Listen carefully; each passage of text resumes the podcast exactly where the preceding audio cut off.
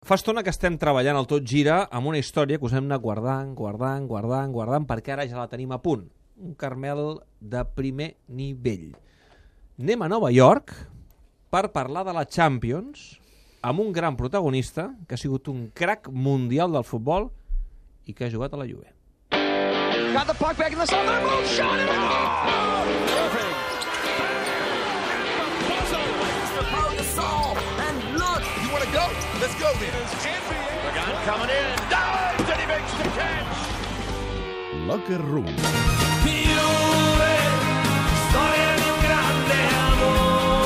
He enviat una miqueta la careta d'entrada de, del locker room de la Ruth Vilar. Ruth, Nova York, com estàs? Bona nit.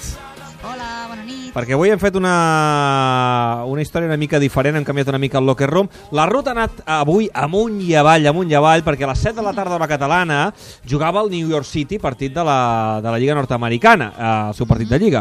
I al New York City, qui hi ha al New York City, Ruth? Te'ls he de dir tots? no. Hi ha el Villa, per exemple, no seria el cas. Exacte. Hi ha, hi ha David Villa eh, i ja, va, vaig directe, eh? Sí, vinga, va, directe, directe. Hi ha un dels grans jugadors de, del futbol europeu, ja en la recta final de la seva carrera, Andrea Pirlo, que a més a més va ser un dels protagonistes de la final de Berlín entre Barça i Juve ara fa tot just dos anys. Mm, Andrea Pirlo, que coneix perfectament la Juve perquè ha jugat els Clar. últims anys, de fet és una persona estimadíssima a Turí, un dels grans cracs de, de la Juve que coneix perfectament el seu equip, en qui has pogut parlar-hi avui al Sí. final del partit del New York City, oi? Sí, sí, eh, quan han acabat el partit han empatat a un, no estava eh, molt content. És, és aquells partits que, que estàs pensant que guanyin, que guanyin, que guanyin, I però no no, és perquè guanyat. vulguis que guanyin, sinó perquè dius que si guanyen segurament t'atendran millor els jugadors al vestidor. No han guanyat, han empatat, però igualment Andrea Pirlo ens ha deixat fer-li unes quantes pre- preguntes sobre aquesta eliminatòria Barça-Juve. Eh, hem recordat la final de Berlín, eh, explicava que només han passat dos anys però que, que hi ha hagut canvi de jugadors als dos equips, sobretot a la Juve, i que a més a més en aquesta ocasió els equips no disputen una final, sinó que serà una eliminatòria i això explicava Pirlo serà, fa, farà diferent aquests partits.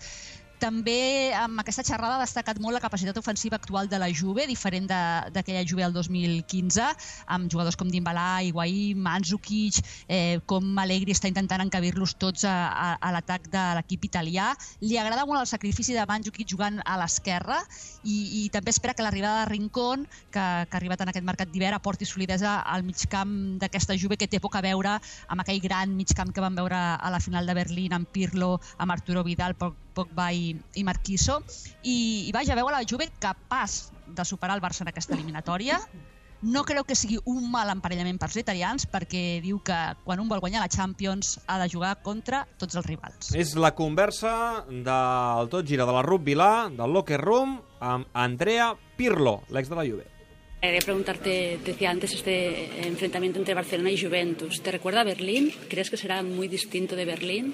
A me è andata male perché abbiamo perso la finale, però adesso sono passati due anni, un'altra Juve, un altro Barcellona, quindi la Juve è una squadra forte e avrà tutte le chance per, per poter andare avanti. Sì, è una partita diversa perché sono cambiate le due squadre e non è una finale, è una partita andata e ritorno, quindi si giocherà su 180 minuti, eh, sono due squadre fortissime e penso che sarà una, un bella- una bella sfida. ¿Crees que es una Juve aún en formación? Eh, delante son muy fuertes, Higuaín, Dybala, eh, pero medio campo todavía parece que no acaba Alegre de encontrar jugadores. ¿Es una Juve en construcción aún? Ma no, in costruzione no, ha tantissimi grandi giocatori che adesso ha trovato un giusto equilibrio, un nuovo modulo che, riesce a far giocare tanti giocatori d'attacco e quindi avrà le sue chance per poter andare avanti. ¿Te gusta ver a Mandzukic en la izquierda, en la sinistro?